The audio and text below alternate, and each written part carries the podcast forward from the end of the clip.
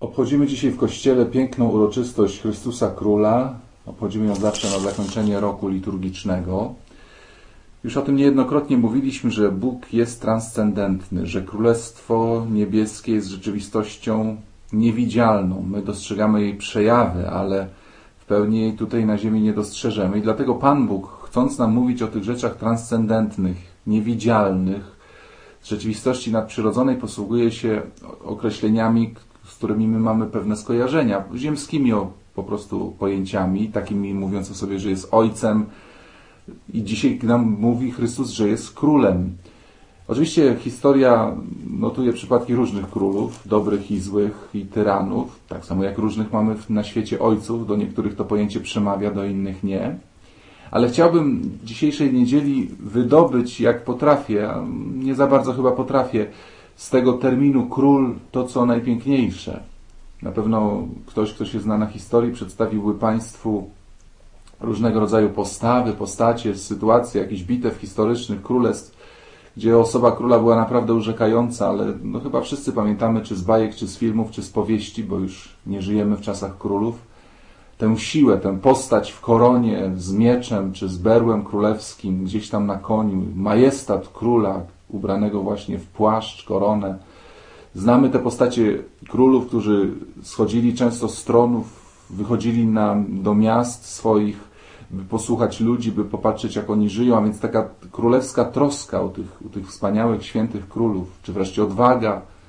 Pamiętamy te sceny, kiedy król szedł pierwszy na czele wojska, nie ostatni, nie schowany, ale ten, który podejmował ryzyko i zapalał swoich żołnierzy do bitwy.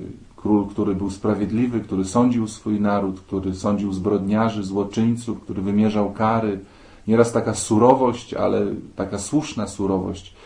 I Chrystus chce, wykorzystując te wszystkie aspekty piękna postaci króla, powiedzieć, że on jest królem, a więc też potężny, silny, pełen majestatu, troski, odwagi, sprawiedliwości, także słusznej surowości, że to wszystko też dotyczy naszego pięknego Chrystusa, Króla. Odsyłam tutaj Państwa do Księgi Apokalipsy, 19 rozdział, 11 wers. Chrystus na białym koniu, jego szata we krwi skąpana, z mieczem, a za nim wojska anielskie odziane w bisior. Ciarki przychodzą, kiedy się człowiek wczytuje w ten tekst, bije od tego właśnie majestat królewski Chrystusa. Ale, ale jeszcze raz powtórzę, Chrystus mówił, królestwo moje nie jest z tego świata, to jest inny wymiar. Te prawdy, o których mówiłem, w innym wymiarze, natomiast często wymiar dostrzegalny to jest krzyż. I dzisiaj także Ewangelia prowadzi nas na Golgotę, gdzie widzimy naszego króla umierającego na krzyżu. Ktoś powiedział, jest to najstraszniejszy widok świata, tak udręczonego człowieka, tak czystego, niewinnego i tak zmasakrowanego, a jednocześnie, jednocześnie jest to najpiękniejszy widok świata, ponieważ nigdy żaden człowiek tak nie ukochał, tak nie miłował, nigdy żaden człowiek nie pokazał takiej potęgi miłości i żaden człowiek nigdy nie zdruzgotał tak sił i potęgi ciemności, jak uczynił to Chrystus na Golgocie. On jest tam wolny. To, że jest przybity do krzyża, to tylko dlatego, że chce tego, że pragnie tego, że się na to godzi. On jest tam pełen majestatu, on umiera z mocą, nie z bezsilności, nie w poczuciu bezradności, ale umiera z mocą. Proszę zwrócić uwagę, w dzisiejszym fragmencie Ewangelii tego nie było, ale inny fragment nam mówi, że kiedy Chrystus umarł, setnik, żołnierz rzymski powiedział, zaprawdę ten był Synem Bożym. Żołnierz, człowiek, który się zna na mocy, który się zna na sile, który jest wyćwiczony do walki, wyczuł, że Chrystus jest pełen mocy i majestatu. Niejednokrotnie się to w Ewangelii zdarza zauważyć, że żołnierze potrafili odkrywać potęgę Chrystusa. Oni się po prostu na potędze i sile znali. Przedstawiam Państwu obraz króla taki piękny, wspaniały, który powinien nasze serca pociągnąć do osoby królewskiej, ale wspominałem też, że jednym z zajęć królów było sądzenie zbrodniarzy i wielu ludzi się króla bało. Jeśli ktoś miał coś na sumieniu, jeśli miał złe i niecne zamiary, to mógłby być przerażony, gdyby mu powiedzieli postawimy cię przed królewskim majestatem, bo to by dla niego oznaczało karę. I dlatego, dlatego były bunty, dla, dlatego były mordy królewskie, tych pięknych, wspaniałych królów też zdarzało się, że mordowano, bo oni reprezentowali władzę i majestat. I tak samo jest z Chrystusem. Chrystus, który z jednej strony zachwyca i pociąga, z drugiej strony budzi lęk. Bali się go, nienawidzili go, chcieli go właśnie uciszyć, chcieli go unicestwić i dlatego znalazł się na krzyżu. Ja Państwu tutaj od paru tygodni mówię o systemach obrony. Każdy człowiek w jakimś stopniu, niektórzy bardziej, niektórzy chyba mniej, boi się prawdy, boi się światła i tworzą się w naszej psychice, w naszym sercu, w naszej duszy systemy obronne odrzucania prawdy, systemy obronne odrzucania światłości. I chciałbym na podstawie dzisiejszej Ewangelii pokazać, żebyśmy byli czujni i umieli wychwycić w sobie coś, co jest sposobem odrzucania prawdy od Króla Chrystusa. Proszę zwrócić uwagę na pierwsze zdanie dzisiejszej Ewangelii. Mamy tam trzy słowa, które pokazują nam trzy systemy obrony. Pierwsze słowo, może przeczytam to zdanie. A lud stał i patrzył się. Króciutkie zdanie. Lud stał i patrzył się. Pierwsze słowo lud. Oni wszyscy krzyczeli Wielki Piątek ukrzyżuj, ukrzyżuj. To zrobił lud. To zrobił tłum. Jak można odrzucić Chrystusa? W jaki sposób? Znaleźć się w tłumie.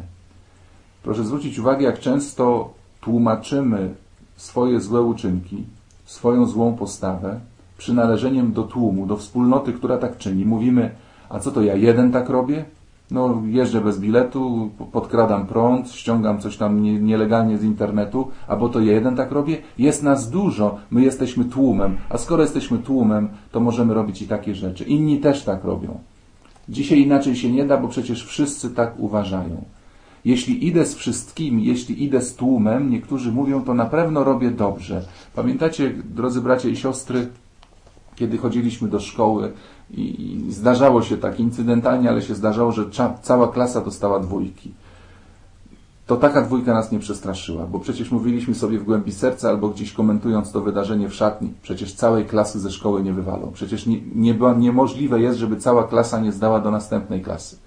Coś muszą zrobić. Albo nam powtórkę zrobią, albo dadzą jakieś korepetycje, albo dadzą jakiś dokształt, albo zmienią nauczyciela. No nie mogą nas wszystkich eliminować ze szkoły.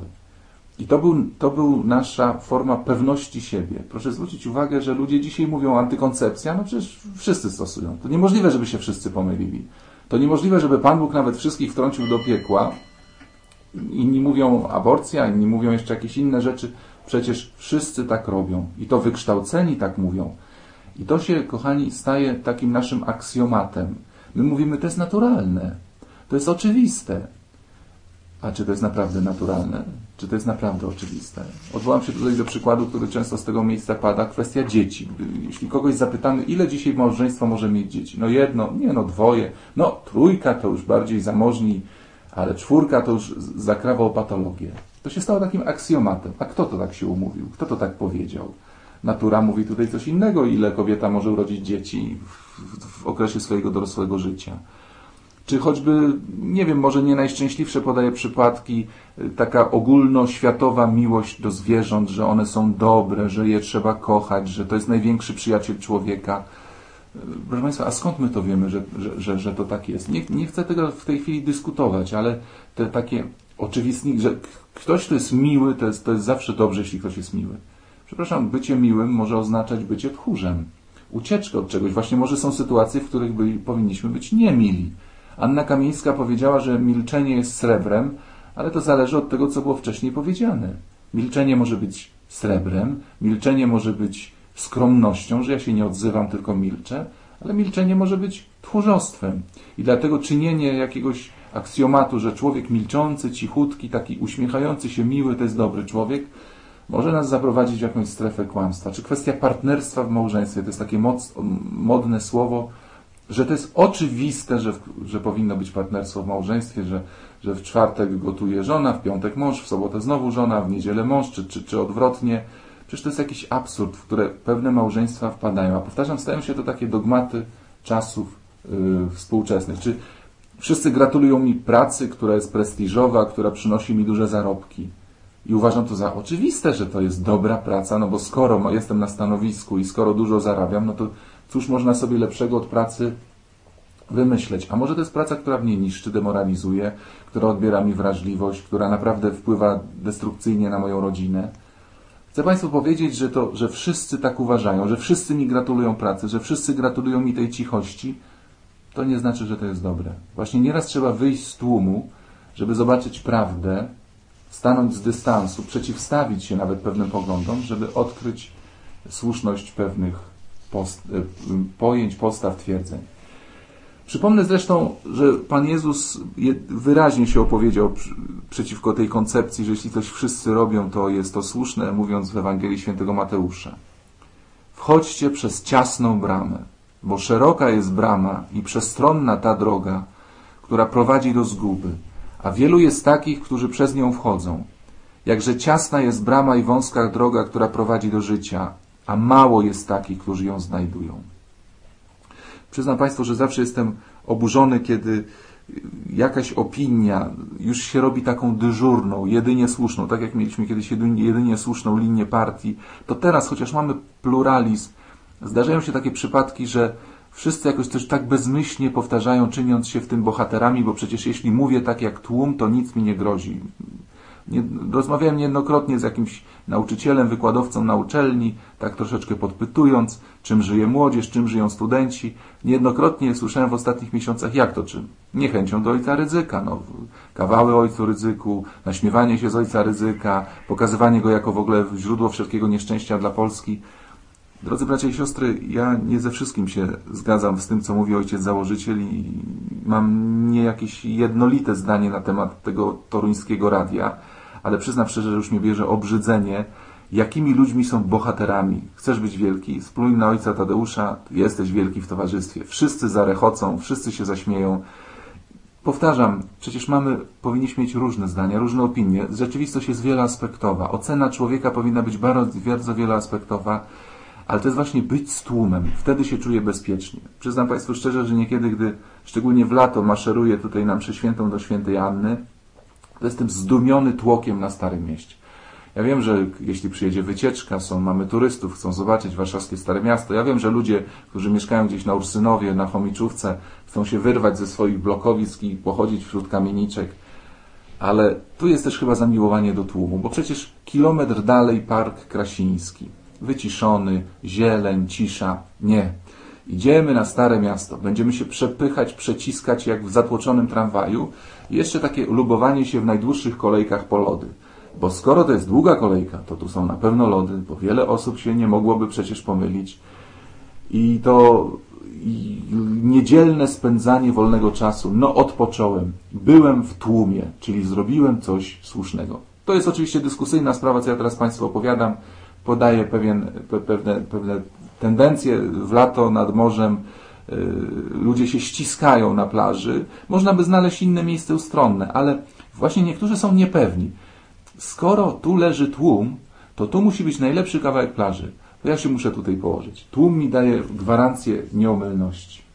I proszę Państwa, proszę zwrócić uwagę, że jeśli ktoś chce przepchnąć pewne błędne i niepopularne poglądy, odrzucić prawdę, niekiedy pierw montuje tłum.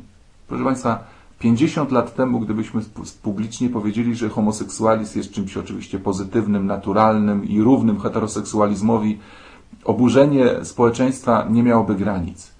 Więc co zrobiono? Zaczęto przez media, oczywiście, że przez media, nagłaśniać sprawę, krytykować tych, którzy mają zastrzeżenia co do homoseksualizmu, pokazywać piękne, w cudzysłowie, postacie homoseksualistów. Zmontowano tłum, i teraz ten tłum jest już tak wielki, że te pewne środowiska domagają się jakichś praw, domagają się pewnej uprzywilejowania itd., tak itd. Tak Jeśli się coś chce przepchnąć, odrzucić prawdę, trzeba zmontować tłum. Proszę zwrócić uwagę, jak teraz w Polsce jest montowany tłum za eutanazją. Jeszcze nas oburzają pewne postawy, jeszcze nas oburza to, kiedy widzimy w telewizji program ze Szwajcarii, jak rodzina przed kliniką gdzie pomaga się ludziom popełnić samobójstwo, żegna się z bratem, ojcem, on jest na wózku inwalidzkim, tatusiu, żegnaj, do widzenia, wszystkiego dobrego, dobrej podróży, do zobaczenia. Nam po prostu ciarki przechodzą po plecach. Takie sceny, kiedy się żegna kogoś, kto idzie popełnić y, samobójstwo, są dla nas wstrząsem. Ale proszę mi wierzyć, że jeśli ten tłum zwolenników takiej postawy, takiego zachowania będzie montowany poprzez media oczywiście, które będą sprawę uzasadniać, chwalić, wyjaśniać, które będą wyśmiewać tych, którzy się ośmielają przeciwstawić temu, to za jakiś czas tłum może być już tak wielki, że poradzi sobie z tą sprawdą, prawdą, że zamiast ludzi kochać, trzeba im po prostu dać fiolkę z, jakimś, z jakąś trucizną i mieć święty spokój. Proszę zwrócić uwagę, drodzy Państwo, czy nie jesteśmy wciągani, czy nie jesteście wciągani, czy Ty, czy ja, nie jestem wciągany w jakiś tłum, żeby odrzucić Chrystusa. Notabene wielu ludzi mi mówi, proszę księdza, jestem za Kościołem, jestem za chrześcijaństwem, ale jak w pracy zaczynają nadawać na Kościół, to przyznam szczerze, że ja się nieraz przy, przy, przyłączę do tej krytyki. Kochani, ja nie mam pretensji przeciwko krytykowaniu Kościoła. Ja się sprzeciwiam temu, że ktoś pod wpływem tłumu na 10 minut zmienia swoje poglądy. I to jest niebezpieczeństwo. Drugie, lud stał i patrzył się. Już króciutko zatrzymajmy się nad słowem stał. Taka inercja, taka bierność, taka, że ja już się nie zmienię, ja już taki będę zawsze. Zawsze tak robiłem, teraz tak robię, no to już chyba będę tak robił. Lud stał. Nie ruszył się, nie podszedł, nie, nie zapytał, tylko taka właśnie bierność, którą też mówimy, to jest u mnie naturalne. Przeklinam, trochę kłamię, trochę koloryzuję, trochę nie szanuję żony. Ja już taki jestem. To jest u mnie naturalne i to jest oczywiste. Taki aksjomat, który jest trucizną dla przemiany duchowej, bo proszę Państwa, Słowo Boże i nasz Król Chrystus niesie nam prawdę, która jest czymś nowym, wymagającym. Kiedy rozmawiam z ludźmi, to widzę, że w tych rozmowach duchowych oni najbardziej się boją, kiedy ja mówię rusz się, pójdź na spotkanie grupy, zmień pracę, bo ta jest dla Ciebie destrukcyjna. Y, porozmawiaj z żoną tak, jak żeś nigdy nie rozmawiał. Zaproś syna do kina, idźcie na piwo, pogadajcie. Oj, proszę księdza, ja tego nigdy nie robiłem. Czy nie może pozostać tak, jak już jest? Tłum stał. I jeszcze jedno, patrzył się. Analizował. A pamiętajcie, że jak nasz umysł analizuje, to widzi to, co chce. To widzi to, co chce widzieć nasze serce. Analiza jest bardzo niebezpieczna, że wszystko chce rozgryźć, rozszyfrować, poukładać sobie w swoim umyśle pojęcia. To jest bardzo, bardzo zwodnicze. Proszę pamiętać, ci, którzy Chrystusa odrzucili, to nie były nieuki, tumany, to byli uczeni w piśmie, to była elita narodu. Analizowali. Natomiast proszę pamiętać, Chrystusa do końca nie zanalizujemy. Jezus nie powiedział bierzcie i jedzcie. Jezus powiedział, przepraszam, Jezus nie powiedział bierzcie i rozumcie, tylko powiedział bierzcie i jedzcie. Trzeba jeść Ewangelii. I to nie jest, proszę Państwa, hańba, że ktoś mówi, dopóki nie zrozumiem, to czego nie zrobię. My wielu rzeczy do końca nie rozumiemy, a robimy. Dla 99% komputer jest czarną magią. Nie wiedzą, jak te sensory pracują, jak, jak pracują te procesory, jak pracuje układ scalony, a jednak działa, bo widzi, że to wychodzi. My do końca metod i sposobów budowania Królestwa Bożego też nie rozumiemy. My po prostu widzimy, że to wychodzi. Że to wychodzi w życiu świętych, że to daje pokój. A jak się to dzieje? Do końca tego nie rozgryziemy. Chrześcijaństwo pozostanie dla nas tajemnicą, praca duchowa pozostanie tajemnicą i historia naszego życia pozostanie tajemnicą. Ale poza tym jednym zdaniem w dzisiejszym fragmencie Ewangelii są jeszcze inne systemy odrzucania Chrystusa. Dwa razy jest napisane: drwiąco mówili o Chrystusie, a żołnierze szydzili z Chrystusa. Śmiech, wyśmiać. Czy Państwo zwróciliście uwagę, że w stacjach komercyjnych chyba największą oglądalnością cieszą się programy, gdzie się notorycznie wyśmiewa rodzinę, wierność, czystość, Kościół, Boga, jakieś autorytety. I proszę zwrócić uwagę, jak trzeba dużo tego śmiechu. Kiedy przyglądam się takim programom, to widzę, że zarówno prowadzący, jak i jego goście w każdym zdaniu chcą być dowcipni. W każdym zdaniu chcą coś, kogoś powalić swoją inteligencją, elokwencją, erudycją, cynizmem, żartem na ziemię. Po prostu on coś mówi, cała sala się śmieje. Odpowiada, znowu śmiech. I, I, ten śmiech, który powoduje, że wszyscy jesteśmy na dystans do pewnych spraw. Wszystko możemy wyśmiać. Proszę Państwa, proszę uważać na to. Wszyscy jesteśmy poddani tej bardzo niebezpiecznej broni bycia wyśmianym. Jako ksiądz, który nieraz chodzi po ulicy w sutannie, wiem coś na ten temat. Potężna broń, której się wielu ludzi broni. Boże drogi, żeby mnie tylko nie wyśmiali. To ja już się zaprę, to ja już się przyznam, to już ja przyjmę czyjeś poglądy, żeby mnie tylko nie wyśmiali. I jeszcze jeden sposób w dzisiejszej Ewangelii. Ten łotr, nie ten dobry, ten niedobry. urągał Jezusowi. On miał jeszcze pretensje do Pana Jezusa. On do niego mówił jak ten, co ma rację, jak ten, co, po którego stronie stoi słuszność i prawo. Panie Jezu, jesteś Mesjaszem? No to co się lenisz? Do roboty. Wyzwól nas, wyzwól z siebie. Taka jest powinność. Nie wiesz, jaka jest Twoja powinność? Ja tu jestem orędownikiem powinności, ja jestem jej heroldem, ja jestem jej rzecznikiem i ja Ci mówię, co Ty powinieneś zrobić, jeśli jesteś Mesjaszem. Otóż, kochani, poczucie słuszności, subiektywne poczucie, że ja mam rację, subiektywne, odruchowne, odruchowe poczucie, że ja się nie mogę mylić. Kiedy przychodzę do domu i ktoś mi zwraca uwagę, że nie zakręciłem wody, że nie uprałem skarpetek, że nie kupiłem chleba, a powinienem, odruch natychmiast, błyskotliwe i szybkie szukanie jakiejś błędu w logice, jakiejś nieścisłości w słowach tego, który mnie oskarża. Bo przecież ja się nie mogę pomylić. Ja na pewno mam rację. Kochani, trzeba umieć w rachunku sumienia podważyć niekiedy swoją największą, subiektywnie doświadczaną i o subiektywnym przekonaniu największą słuszność. I postawić sobie pytanie genialnie mądre. A jeśli ja nie mam racji? A jeśli w tym sporze z żoną nie mam racji? A jeśli w tym oczywistym dla mnie sporze z jakimś pracownikiem nie mam racji? A jeśli ja się mylę? To tylko ludzi chyba bardzo mądrych stać. Ludzie prości, delikatnie mówiąc, automatycznie przyjmują, ja się nie mogłem pomylić i są o tym święcie przekonani, co prowadzi ich to niekiedy do katastrofalnego odrzucenia światłości, jaką jest Chrystus. I na koniec, po tych wszystkich negatywnych przykładach, w jaki sposób możemy odrzucać Chrystusa. Tłum stał, patrzył się, szydził, wyśmiewał. Przykład pozytywny. Bo jeden człowiek dzisiaj tam na Golgocie przyjął Chrystusa. To był dobry Łotr. Proszę zwrócić uwagę na jego sytuację. On nie miał nic. Nie miał tłumu. Był sam. Wisiał nagi, ośmieszony, skurczony z bólu, miotany jakimiś konwulsjami agonii. Nie stał, to znaczy nie został bierny. On się do Chrystusa odzywa, on się do Chrystusa zbliża i proszę zwrócić z jaką ufnością, bo jak to ktoś zauważył, jest to jedyna taka sytuacja w Biblii, kiedy ktoś do Chrystusa mówi po imieniu Jezu, ulituj się, Jezu. Nie mówi Jezu synu Dawida, Jezu królu, bez żadnego dodatku, najprościej jak można. Jezu, nawet nie mówi Panie Jezu. Jest tak bezradny, jest tak prosty, jest tak, jest tak oddany i otwarty, że wychodzi w tych słowach cała prostota, którą przeżywa w sercu. On nie szydzi z Jezusa, on mu współczuje. On nie, nie mówi do niego z góry, Panie Jezu, powinieneś, Ty masz moc, Ty masz siłę, tylko on pokornie prosi i on przyjmuje Chrystusa. Kochani, za tydzień zaczynamy Adwent. Niech te prawdy, które powiedziałem, może staną się jakimś, jakimś fundamentem dla rachunku sumienia adwentowego. Czy we mnie nie działa jakiś mechanizm, którym odrzucam Chrystusa i mówię Państwu i przypominam to sobie, że szczególnie niebezpieczne są te systemy obronne, które są dla nas oczywiste, które są zwielokrotnione przez poglądy moich często znajomych i które na pierwszy rzut oka wyglądają jako coś zaszczytnego i dobrego, jak wspomniałem o tej dobrej pracy, która może być fatalną pracą.